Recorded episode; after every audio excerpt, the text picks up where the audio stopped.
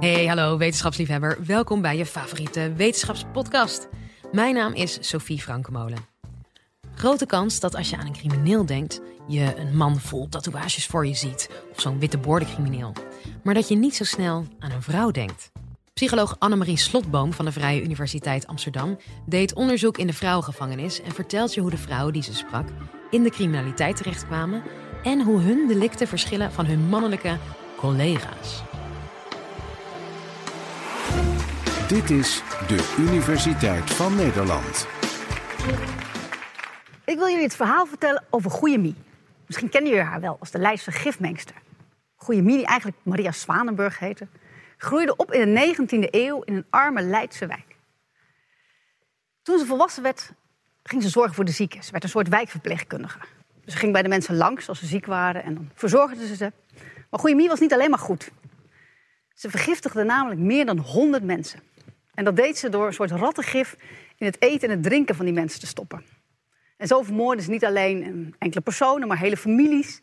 En zelfs haar schoonzus en haar neven moesten eraan geloven.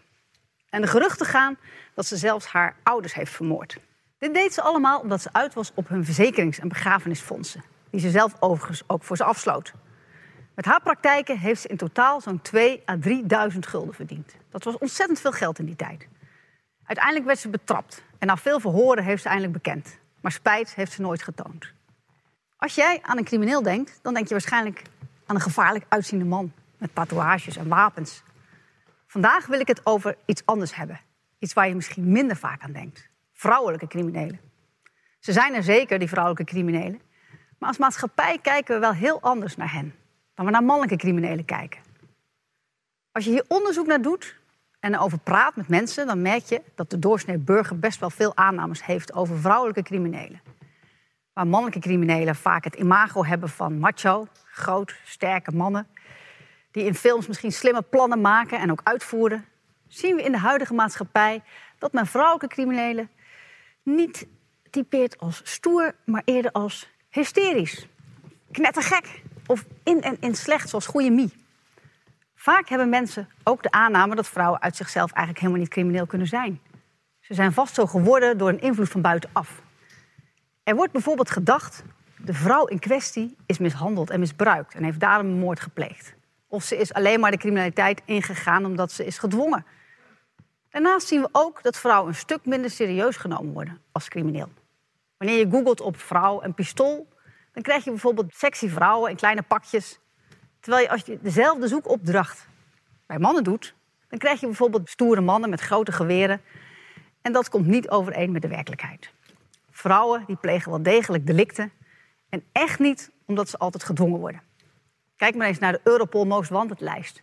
Daar staan ook vrouwen op die hele zware delicten hebben gepleegd. Misschien niet zoveel als mannen, maar het betekent wel dat we ze niet zomaar over het hoofd mogen zien.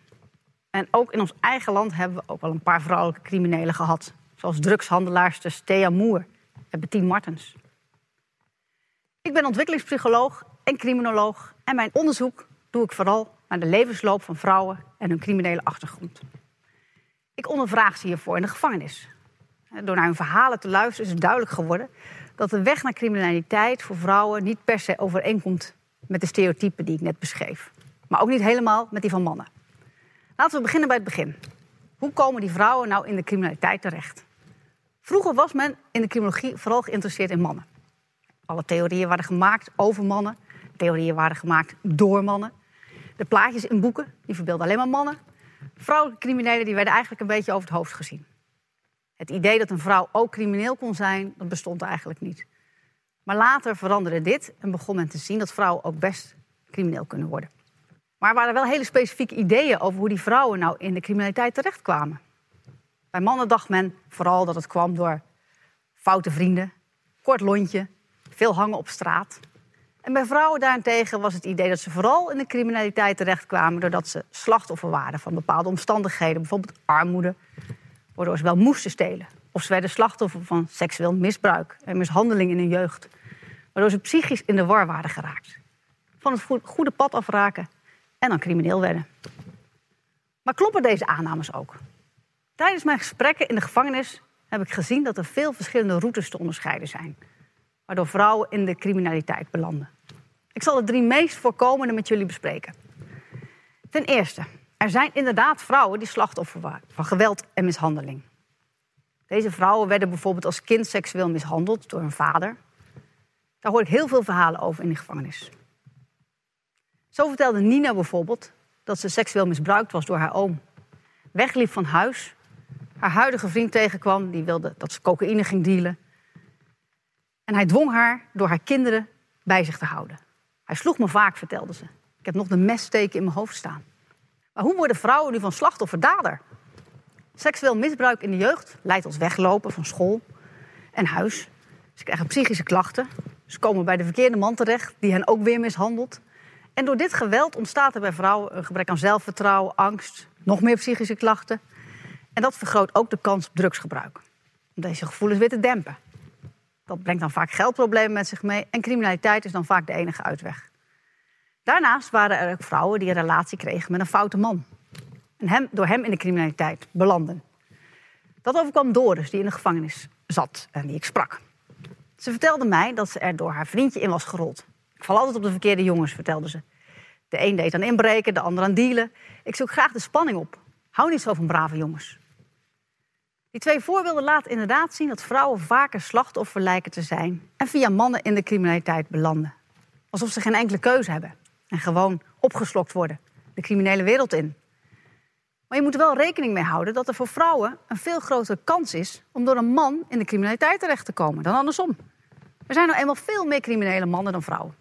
En de kans dat je als man een foute vrouw tegenkomt, die diep verzeild zit in de criminele wereld, ja, dat is gewoon een heel stuk kleiner. Vrouwen bewandelen dus vaak een andere route naar criminaliteit. Een eentje waarin ze eerder door omstandigheden geleid worden. En dat is niet wat vaak gedacht wordt, omdat vrouwen nou van nature zoveel vredelievender zouden zijn. Het valt te verklaren aan de hand van de genderparadox. Dat betekent dat vrouwen een grotere hobbel over moeten om crimineel te worden. Ze zijn gesocialiseerd en opgevoed als eh, vriendelijk, aardig en behulpzaam naar iedereen toe. Er wordt immers altijd nog verwezen naar stoere jongens en lieve meisjes. Meisjes krijgen misschien nog altijd vaker een pop om voor te zorgen. Jongens krijgen dan een nerfpistool. Al die masculine dingen waar agressie bij past, leert de maatschappij vrouwen doorgaans niet aan. Het zijn natuurlijk altijd uitzonderingen. Voor vrouwen kost het dus extra moeite om dat criminele gedrag te vertonen. Waardoor gedacht wordt dat vrouwen dit pas doen nadat ze heel veel trauma's, psychische klachten en problemen hebben meegemaakt.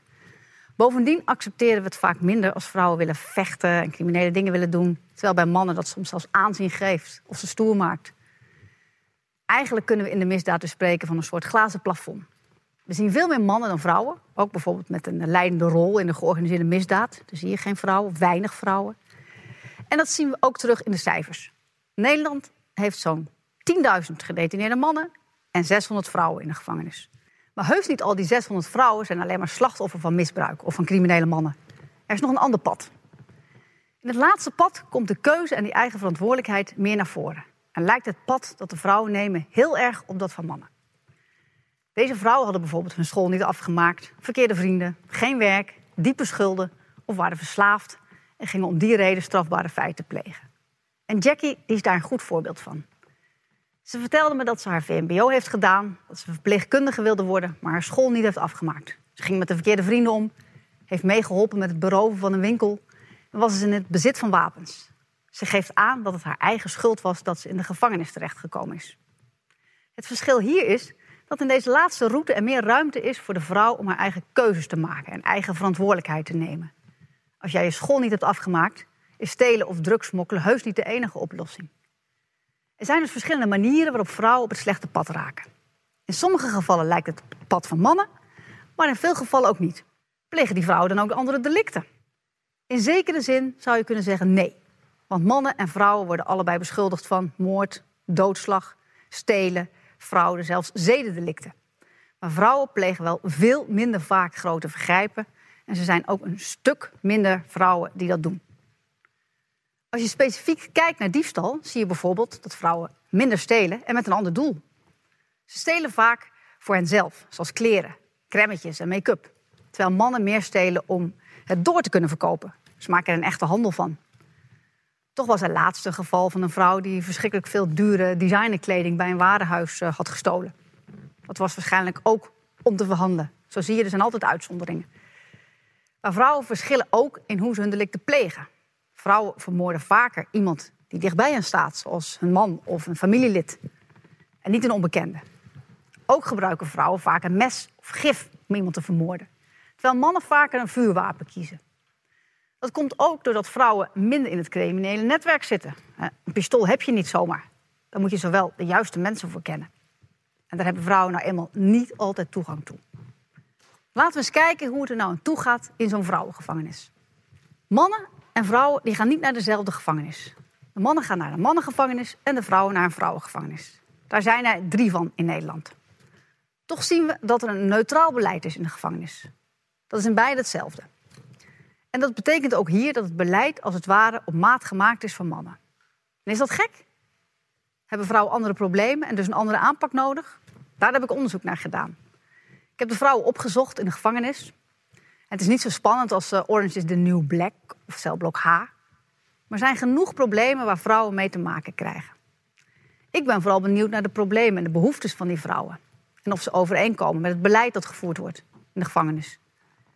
Want het is best gek, toch? Een mannenbeleid in een vrouwengevangenis. We hebben namelijk gezien dat de vrouwen op een andere manier in die gevangenis terechtkomen. Ze hebben andere problemen dan mannen en hebben dus ook andere hulp nodig. En andere behoeftes. En je kunt je afvragen, ja, maar hebben die vrouwen wel wat te willen? Ze zijn daar niet op vakantie of voor hun plezier. Het gaat niet alleen om die vrouwen. Het doel van een gevangenis is ten eerste natuurlijk om gevaarlijke mensen buiten die maatschappij te houden. Zodat ze daar geen problemen meer kunnen veroorzaken. Maar een ander net zo belangrijk doel is om die mensen later weer in die samenleving terug te krijgen. En hopelijk niet weer terug in die gevangenis. Een goede behandeling is daarbij essentieel. Uit ons onderzoek, waarin we gedetineerden hebben gesproken, is gebleken dat de behandeling voor die vrouwen niet altijd goed aansloot. Vrouwen kampten veel vaker dan mannen met psychische problemen of verslavingen. Denk aan de genderparadox. Juist omdat vrouwen een grotere hobbel over zijn gegaan en vaak meer problemen hebben. Maar daar krijgen ze eigenlijk nooit hulp bij. Als het echt niet meer ging, kregen die vrouwen nog wel eens medicijnen voorgeschreven, maar niet vaak therapie. Daya vertelde: Mijn psychische klachten die ik voor detentie had, die zijn verergerd. Ik ga dingen vergeten. Ik raak dingen kwijt. Mijn hoofd voelt aan alsof zo mijn gedachten kwijt kan raken. En Holly vertelt: In Nederland zegt iedereen dat de gevangenis net een hotel is. Maar het is anders dan hoe men denkt in de buitenwereld. Psychisch heeft het heel veel invloed op je. Je wordt continu gekleineerd en met die machtspositie die de gevangenis over je heeft, word je dubbel gestraft. Wat we ook zagen bij die vrouwen, was dat ze worstelden met het moederschap.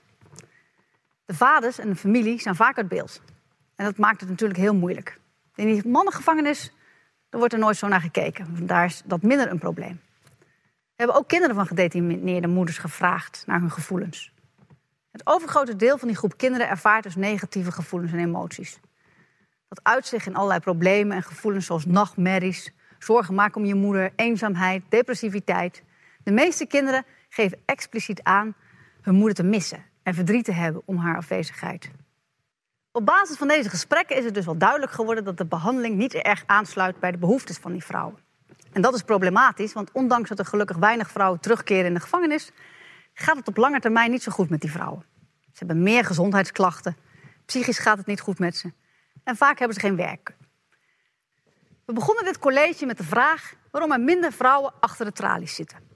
We hebben gezien dat het vrouwen eigenlijk gewoon best lastig wordt gemaakt om criminele misdrijven te plegen. En dat kun je natuurlijk als iets positiefs zien. Maar dat betekent niet dat we ze zomaar over het hoofd mogen zien. En de vrouwelijke criminelen samen met mannen over één kam mogen scheren. Het verschil tussen mannen en vrouwen is in essentie niet zo groot. Maar door de verschillende maatschappelijke verwachtingen en ervaringen lopen de wegen naar het slechte pad van mannen en vrouwen nogal uiteen. Ik pleit daarom ook voor een aanpak waarin meer rekening wordt gehouden met de situatie van gedetineerde vrouwen. Dit zou er niet alleen voor zorgen dat het uiteindelijk beter zal gaan met die vrouwen, maar ook met de toekomstige generatie. Dat was Annemarie Slotboom. Vond je het nou een leuk college? Laat het ons dan weten. En ben of ken jij een wetenschapper die je hier ook graag een keertje zou horen? Mail ons dan je tips via podcast.universiteitvannederland.nl. Tot de volgende!